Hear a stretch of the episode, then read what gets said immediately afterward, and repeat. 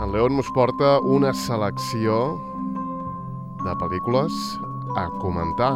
Regal prenadalenc. León, què comencem? Por fin, eh, por fin eh, ya empezamos esta sección. Eh, he preparado una lista de, bueno, de, de, todo este año, de todo lo que he visto este año. No voy a hablar de nada que no haya visto. Eso ya, solo hacer eso es un ejercicio, mm, una gesta medieval ya, solo, ¿eh? porque son muchísimas películas, muchísimas series. Eh, mm, esta banda sonora maravillosa es la banda sonora de The Banshees of Inisherin, Las almas en pena de Inisherin. Empiezo por esta, empiezo por esta película que aunque sea ya casi 2023, ¿no? Eh, de hecho llegará a España casi en verano de 2023. Es una película de 2022, uh -huh. eh, es, es, lo que tiene. Eh, bueno, dirigida por Martin McDonagh, él mismo que dirigió la película de los carteles a, a, en las afueras. Ah, tres cartells... Sí, sí. Los tres, tres anuncios en las afueras, sí, sí. esos carteles eh, de las afueras, ¿no? Que mm, protagoniza Frances McDormand, la protagonista. Eh, que ahí lo hace bastante bien, lo hace mejor que en la película de coger la furgoneta y no parar de conducir, que ahora se me ha ido el nombre. Nomadland lo hace bastante mejor en eh, los anuncios de las afueras. El mismo director, eh, eh, bueno, nos ofrece ahora una, una, historia, una historia que me ha encantado, una historia de amistad entre, entre dos personas en una isla muy pequeña, muy enana, una aldea completamente residual, muy bonita, pero sin nada dentro, sin nada que hacer. Entonces, cuando las relaciones humanas eh, empeoran, uh -huh. o cuando las relaciones humanas entre los habitantes de esa isla eh, no son lo que mm, en teoría idílicamente deberían ser, eh, se empiezan las dificultades. No sé si te suena esto a ti de algo, ¿no? Eh, encontrarse gente eh, no sé qué camino y tener que, mm, no sé, simular una llamada al móvil, me lo invento. Pero este ejemplo vale para cualquier camino de Formentera. Entonces, eh, ¿qué pasa aquí en, en, Las Almas en Pena, no? Mm. Pues eh, la verdad que es una película larga, es una película dura, muy dura, pero muy buena, muy buena y con unos mm, diálogos eh, y un humor eh, muy crítico a la sociedad tan hipócrita, ¿no? En el, los miedos de las personas eh, es, es, absolutamente brillante como, como se exponen aquí. El conflicto entre dos amigos, uh, bueno, un, uno de ellos es más intelectual, de alguna forma eh, por decirlo de alguna forma, ¿no? más intelectual, eh, le va mucho más la cultura, eh, toca violín, lee, bueno, hace cosas, y el otro no hace absolutamente nada. Entonces, claro, ahí, ahí, bueno, hay un vacío, hay un vacío y poco a poco se va cubriendo, ¿no? Uh -huh. de significado y se explica eh, el porqué de todo esto. Eh, qué difícil es que, que alguien eh, te deje de hablar cuando tú quieres que te deje de hablar. Y qué fácil es que alguien que nunca, ¿no? Que nunca dirías, hostia, no quiero perder esta amistad, perderla, ¿no? Ay. Es, es, está, todo, está todo mal hecho, ¿no? En fin... Eh, Això sap greu quan passa. Sí, pero es así como digo, ¿eh? Yeah. O sea, no, es, eh, son, son, es como controlar las mareas. The Banshees of Inisherin es increíble y bueno, Almas de Pena, cuando venga a, a, España a intentar ir al cine, como de la misma forma que intentar ir al cine, por favor, a ver Asbestas, otra película mm, que también he seleccionado pues, de este 2022 porque, bueno, a pesar de ser una película también muy larga, muy dura, muy tremenda, muy aquí escuchamos más banda sonora, Las Bestas. Em, una película muy cerrada. Una película... Aquesta de, de, disculpa, aquesta d'Alma sin pena d'Eixerin... Sí, pero ya ha pasado, ¿eh? De esta. Sí, sí, sí, però és que... mm, Es que tengo que ir rápido porque tengo mil pelis, ¿eh? Por eso voy a saco. Dime, no, no, dime. No, només et volia dir que a Film Affinity té 33 valoracions verdes, cap groga i cap vermella. Tothom li ha agradat. Sí, pero eh, no creo que la haya visto mucha gente esa película. Molt bé. Pero ya te digo yo que no, no, no, si yo la veo una película lenta, con todas las características que te he dicho yo, y que sea buena y que yo no me aburra, que me aburro con cualquier cosa, te digo yo que vamos, no, no es mala, ¿eh? No es mala, pero es dura y tienes que tener ganas de verla como asbestas. Molt bé, Esbestes, vinga. Por, por eso las he puesto al lado, porque se parecen bastante, Ah, ah, realmente. Son dramas en pueblos cerrados, ¿no? Eh, muy duros. Y asbestas, ¿eh? Bueno, Galicia rural pura y dura, y dura, muy dura. Eh, no te entran ganas de ir a vivirte a Galicia, ¿eh? Después de ver asbestas. En serio, o sea, la realidad ahí es otra, ¿eh? De la que yo creía. Eh, vecinos, vecinos constantes. Da igual que viva po- poca gente en el pueblo, o sea, da igual. Cuanto menos gente en el pueblo, peor. Más sensación de no poder vivir. El bar del pueblo. El bar del pueblo no hay ni una neurona en todo el bar del pueblo. El camarero no habla. Habla en gallego cerrado. Menos mal que está subtitulada. Tuve que pasar dos veces las, es- las escenas en gallego porque son duras. Y bueno, gente jugando al dominó como su máxima, la máxima actividad de la tarde. Bueno, sí. Hay mucho tiempo libre para hacer muchas cosas en Asbestas. Ni bueno ni malo, es bastante deprimente. De hecho, están todos deprimidos en ese pueblo. Una película increíble, una película increíble, Asbestas, muy muy buena, pero yo de Sorgoyen no me quedo con esa. Me que lo voy a decir aquí, me quedo con mi favorita y no es ni El Reino ni Antidisturbios ni nada de esto, para nada es, eh, bueno, la película que más se parece a un neo-noir o a una, una historia de crímenes de investigación tradicional. ¿no? Por favor, que Dios nos perdone. Ah, sí. Aquella película donde Antonio de la Torre, uno de los mejores eh, actores, yo creo, de España, según el papel, pero aquí hace de inspector tartamudo y es demasiado adictivo verlo, ¿no? Actuar y verlo resolver misterios y asesinatos de una forma bastante peculiar, bastante mm, eh, original. Y una película que, bueno, eh, son 125 minutos, que Dios nos perdone, pero yo creo que es la mejor película de, de Sorgoyen, ba- bajo mi punto de vista. Obviamente es opinión personal, ¿no? Mhm. ¿Y qué más películas aparte de estas dos hemos Tinc moltes visto? ganes de veure Esbestes. Pot ser que vingui aquí a Formentera perquè ha sigut un... Seguramente porque, por ejemplo, Los renglones torcidos, eh, que yo vi en eh, De Dios, que vi en, en Ibiza, también la pusieron aquí al final del todo, pero bueno, ya está en Netflix, es cuestión de tiempo. Al final todo el mundo cae en algún lado porque todo el mundo tiene que cobrar. Es así. La distribución, la distribución es así. Y ahora pasamos a algo completamente diferente, más alegre, más eh, cambiamos de escenario. Vinga, va. ¿Por qué? Porque qué? mm, hablamos de el, triángulo de la tristeza. Ah, mos embarquem, eh?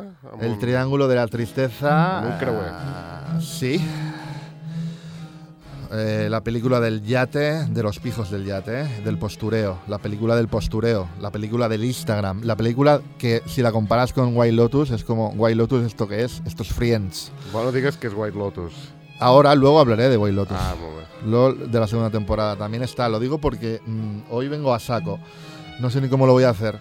Entonces, mm, el Triángulo de la Tristeza, eh, bueno, eh, eso sí que es sátira y denuncia a todo lo que mm, a todo lo que invierte su tiempo y su vida y su ilusión en el dinero, el puro dinero, ¿no? En el tráfico de armas, en el triunfo de la imagen, la pura imagen, el vacío de la mente.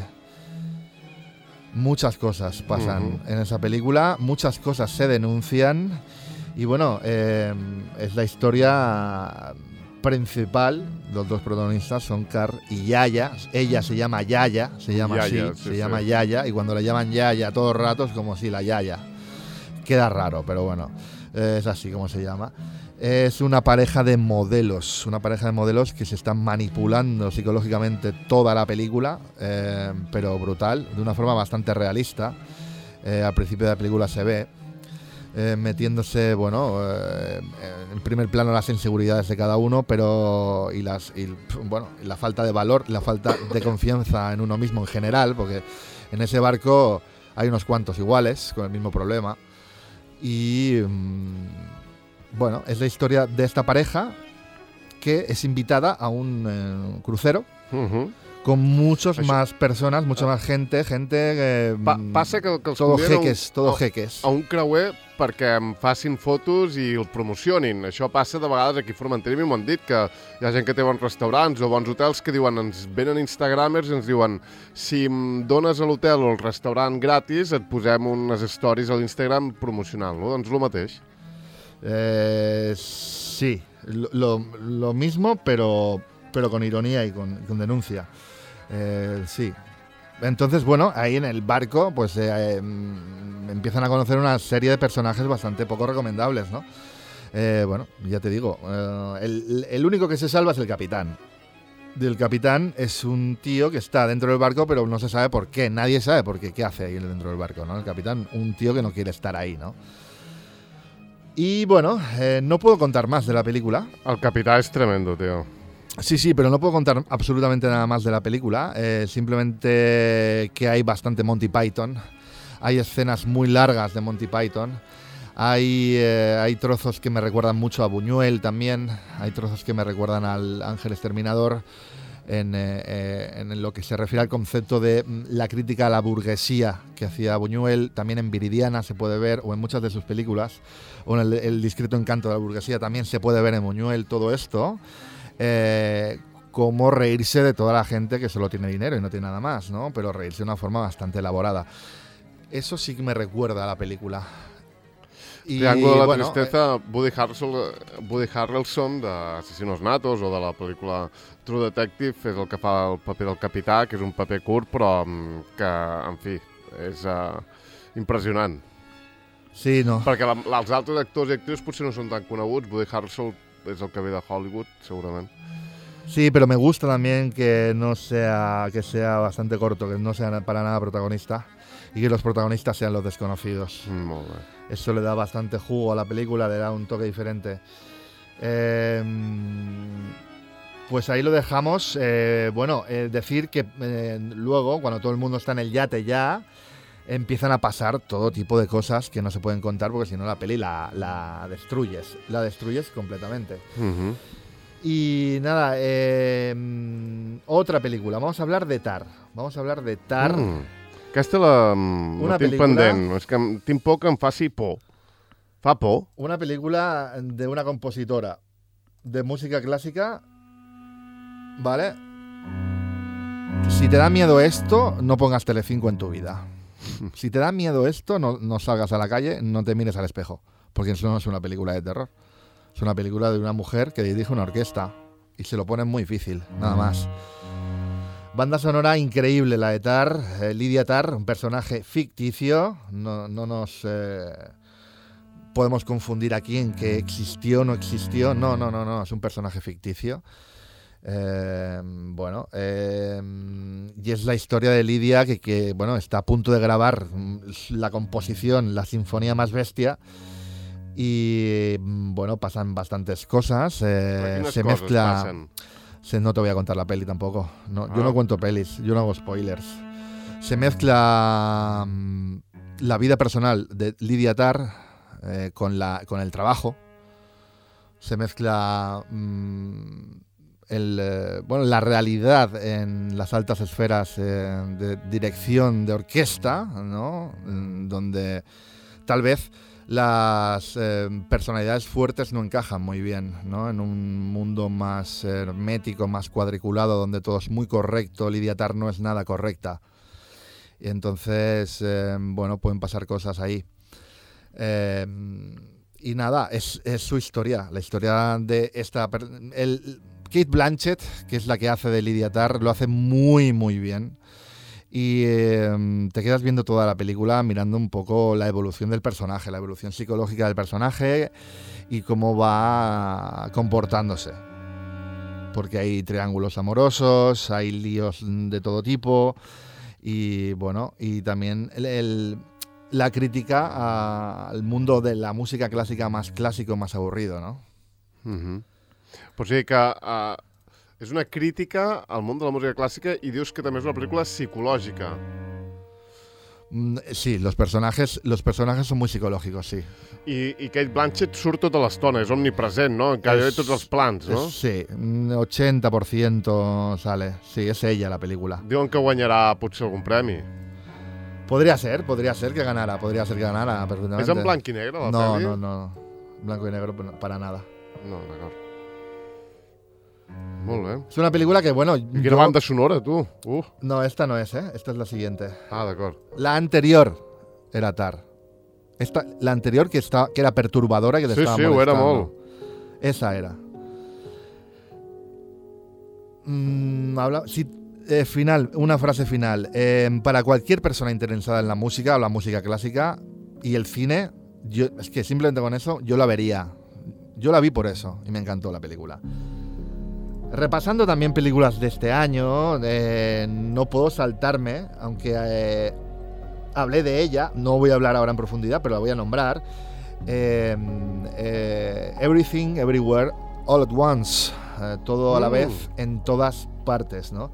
Esta película que combinaba todos los géneros, que combinaba la, la comedia, la acción, la ciencia ficción, la fantasía, las artes marciales, los viajes en el tiempo y más géneros, ¿no? En, una película muy, muy difícil, eh, pero visualmente fuera de- del eje, o sea, algo que te atrapa y que solo por el trabajo que hay ahí detrás la quieres ver una y otra vez. eh, em, y bueno, quien no la haya visto, que, que por favor la vea igualmente. Eh, eh, Everything Everywhere All at Once estuvo muchos años, en, muchos años, muchos meses, en plan 6, 6 meses, 5, 6, 7 meses en taquilla después de su estreno. eh, en, en los cines de la península, en los cines mm, menos comerciales, ¿no? Y eh, eso ya dice bastante, ¿no? De una película, hoy en- sobre todo hoy en día, que pasan volando y si no hablas de ellas, la gente que como que ni se acuerda.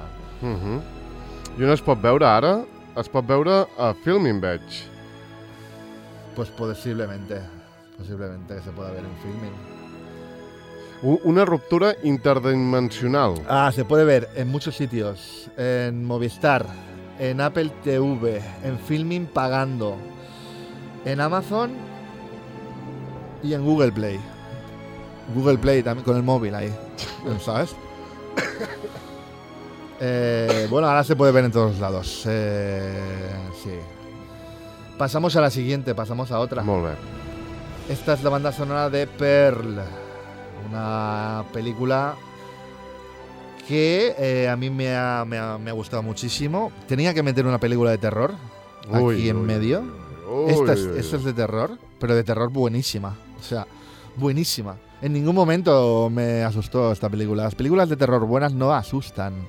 El susto fácil, el tío que te espera detrás de la esquina para asustarte, no sé lo que está haciendo, pero no está haciendo terror. Eso no es terror, eso es previsible. Ja. El terror es inteligencia. El terror es in- contar cosas. El terror son historias. Historias como la de Per, ¿no? Que vive en una granja atrapada, completamente controlada por su madre. La controla. Cada paso que da es controlado por su madre y encima tiene que cuidar a su padre en silla de ruedas. ¿no? Esto es el, día a día de, Pearl una, una chica joven eh, que, bueno, llena de talento y de imaginación, que ve cómo se está muriendo de eso, de- dentro de esa granja, que no le dejan absolutamente nada que hacer.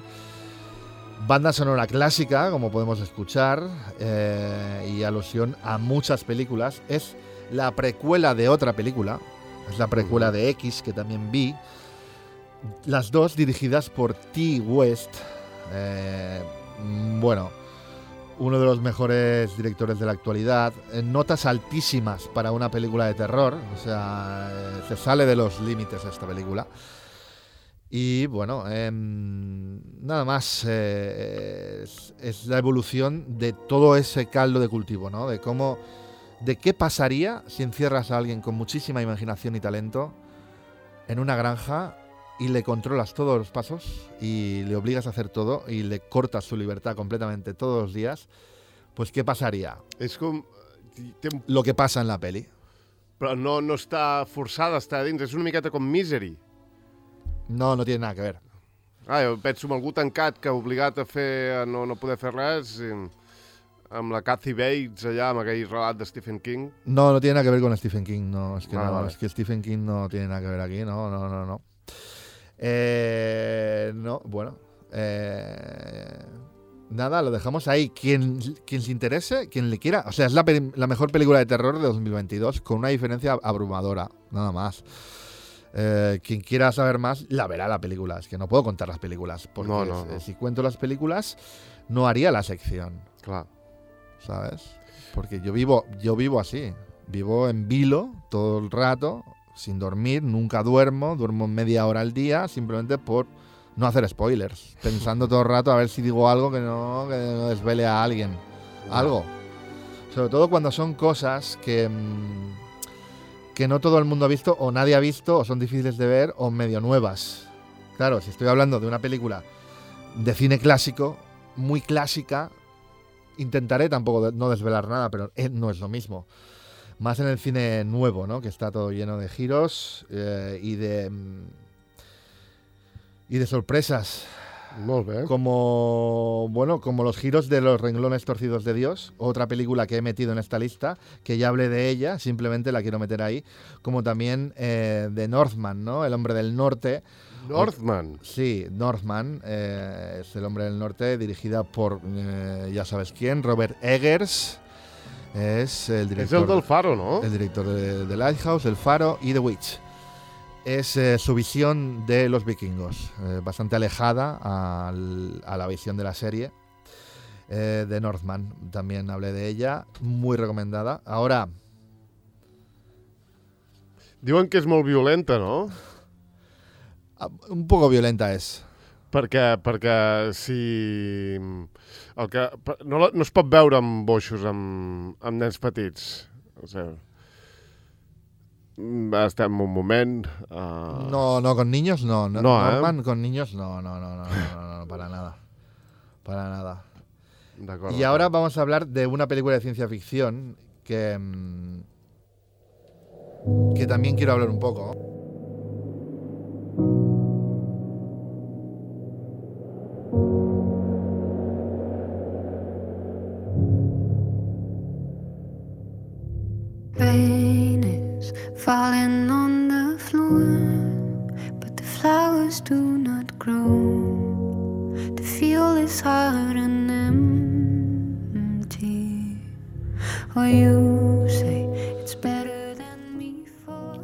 Bandas, mientras pasan cosas en el estudio que no voy a contar, eh, la banda sonora de Vesper, ¿no? Vesper eh, es eh, ciencia ficción, ciencia ficción eh, y 2022, y es dificilísimo una película así, y belga, ¿no?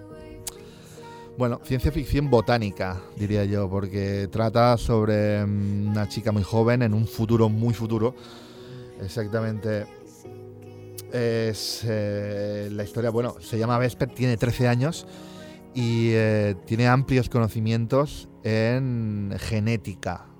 Mm. Sí, entonces ella ha, ido investigando con los años en un futuro donde ya eh, después de mil virus, ¿no? Ya no queda en la Tierra nada, absolutamente nada, solo hay un poquito de, de futuro con las plantas, ¿no? Los seres humanos ya no. Entonces se basa todo el rato en un futuro biológico y en cómo, la, cómo se pueden conservar mediante semillas un montón de, de genes. Ciencia ficción futurista, post-apocalíptica, botánica. Me encanta, me encanta. Te lo juro, me encanta, me encantó. Quina definició. Well,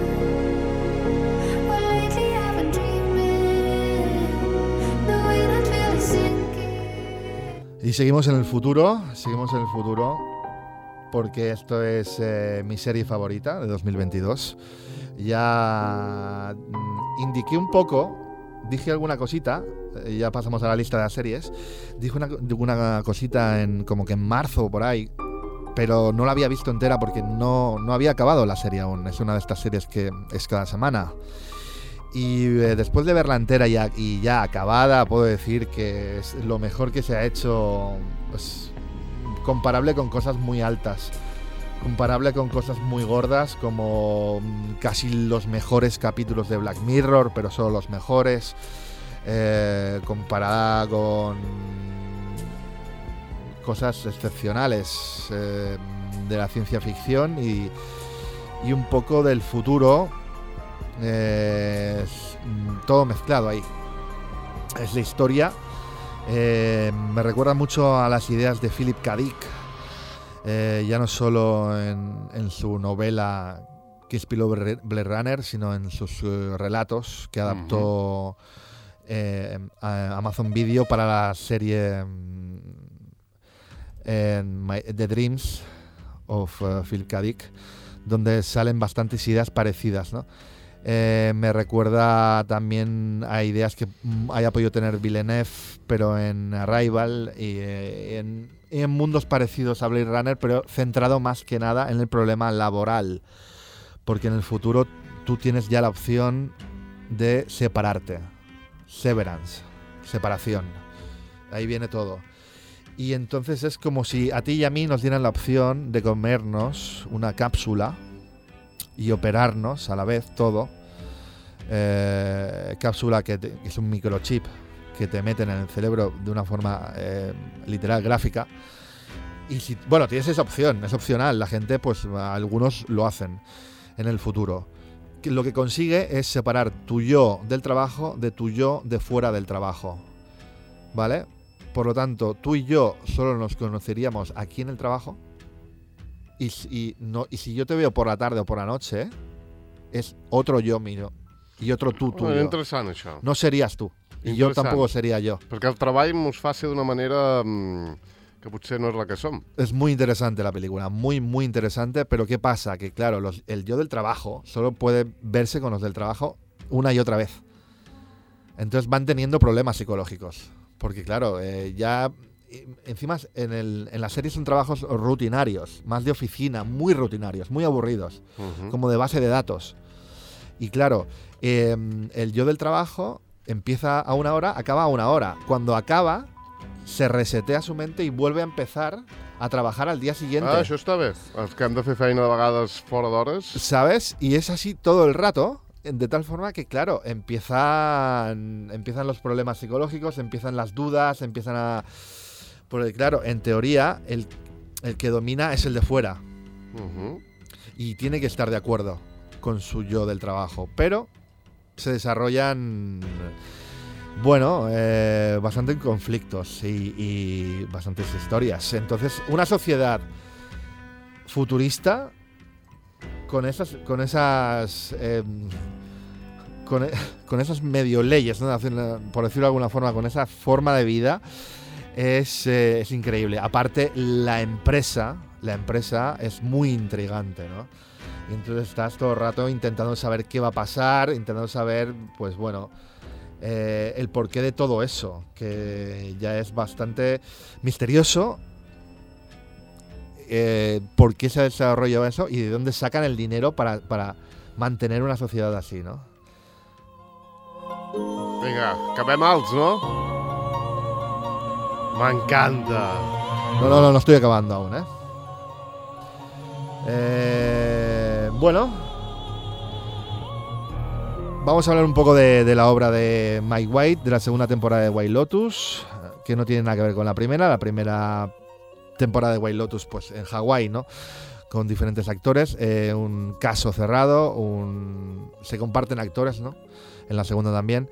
Pero bueno, tanto la primera como la segunda, White Lotus, una serie mm, pues que denuncia mucho también. Una serie con una sátira social brutal. Una serie donde, por ejemplo, en la primera temporada, el que menos intuición tiene del mm, representado, el actor que menos intuición he visto yo en una pantalla, eh, aparece eh, varias escenas leyéndose un libro titulado La inteligencia de la intuición. ¿Sabes? O sea, es así todo el rato, ¿no?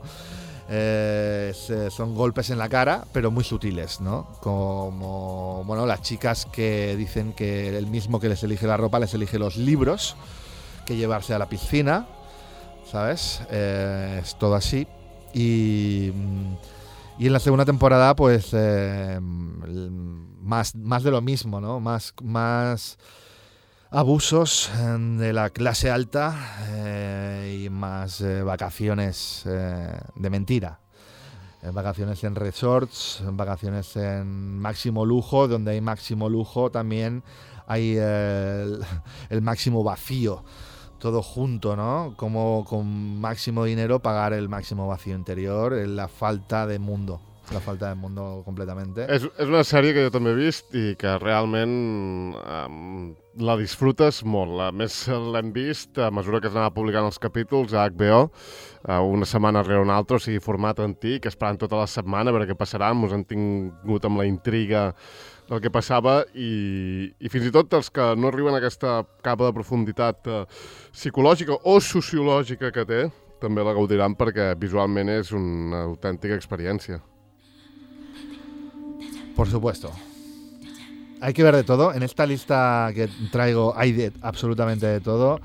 También está el encargado. El encargado, bueno, eh, serie argentina.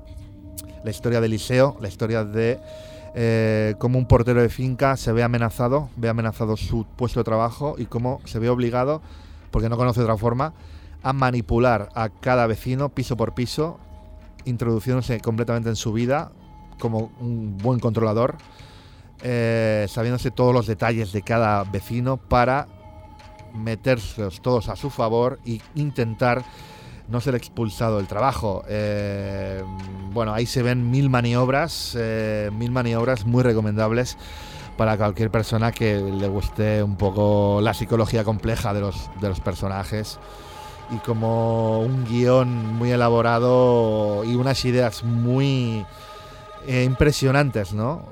Mm, Para poder conseguir las cosas eh, de formas oscuras, Formes fosques. muy oscuras, muy oscuras. Eh, también este año hay que nombrar Tokyo Vice, hay que nombrar a Tokyo Vice porque, bueno, es la serie de- del periodismo en Japón, nos gustó de una forma brutal a todo el mundo. La banda sonora de Tokyo Vice es alucinante. También hay que nombrar a Bad Sisters, la Uh. serie británica de Sharon Hogan, ¿vale? Creadora mm, de Catástrofe. Catástrofe ya eh, es una serie mu- muy buena donde el humor sacado de contexto, el humor eh, no comercial, no, el humor que hace sátira de todas las convenciones sociales y que se ríe de todo lo correcto, vuelve ¿no? a la carga. Eh, y dos más y termino ya. Eh, estamos hablando de 1899. ¿Vale? Eh, es eh, ciencia ficción mezclado con aventuras marinas. Black Mirror mez- mezclado con Moby Dick. Black Mirror Moby Dick. Sí, es brutal. O sea, es exageradamente buena. Es de los creadores de Dark. Ya sabes, Dark, a mí lo que me encanta. Y bueno, eh, es una serie que es mm, para verla rápido y seguido porque es más fácil coger el concepto. Y nos vamos con The Beer. La historia de un cocinero que ha trabajado en estrellas Michelin. Aquest no és la d'en... La del, com es diu aquest actor? El... Te lo digo enseguida. Jeremy. Sí, se llama Jeremy. Eh, No es conocido, ¿eh? O sea... Que pensava que en Ralph Fiennes, disculpa. No, no, no, no, no es conocido. Se llama Jeremy Allen White y lo hace increíble. O sea, es que es una serie del actor. Es el actor que encarna a uno de los hijos de Shameless, eh, el que mm, va, visita más veces a Alcohólicos Anónimos. Eh, Para que los que han visto Shameless ya saben quién es. Entonces, la historia de este personaje que sabe bastante, sabe bastante de cocina, mucho, ha estado trabajando en Estrellas Michelin y, currándoselo muchísimo, y por una historia familiar tiene que ir a hacerse cargo de un restaurante mucho más de la calle, completamente callejero, completamente callejero, que por X razones un familiar suyo se lo ha dejado, se lo ha dejado ahí y entonces se hace cargo. Y es alucinante, es alucinante, porque lo que a priori parece una, película mm, parecida a Hierve, ¿no? Que Sí, sí, podría sí. ser parecida a Hierve, que también es la historia de la, Bueno, ayer recordem aquest pla seqüència, eh? que, Sí, que és una de les seves que eh, tiene planos gràcies. secuencia muy buenos y que tiene, bueno, la realidad de la hostelería en la cara. Esta también la tiene, pero para mí es mucho más completa la serie, sobre todo porque mezcla historias personales muy profundas y muy potentes que van saliendo a la vez que van gestionando, ¿no? ¿Cómo aprender o cómo no aprender, no lo sé, a gestionar un negocio con gente, bueno, pues gente con personalidad potente, ¿no? Molt bé. Y nada, eh, este, esta versión de Chicago es la que sale en la serie. Ah, molt bé, escoltem en aquest cas en nada. Surgeon Stevens. Y ya Boníssim. estamos. Vinga, va. Eh, nada, con esto cierro el año. Cerradito, ¿eh? Moltes gràcies. Cerrado. Tancadet, amb un munt de recomanacions per la gent. Gràcies. Un placer, un placer.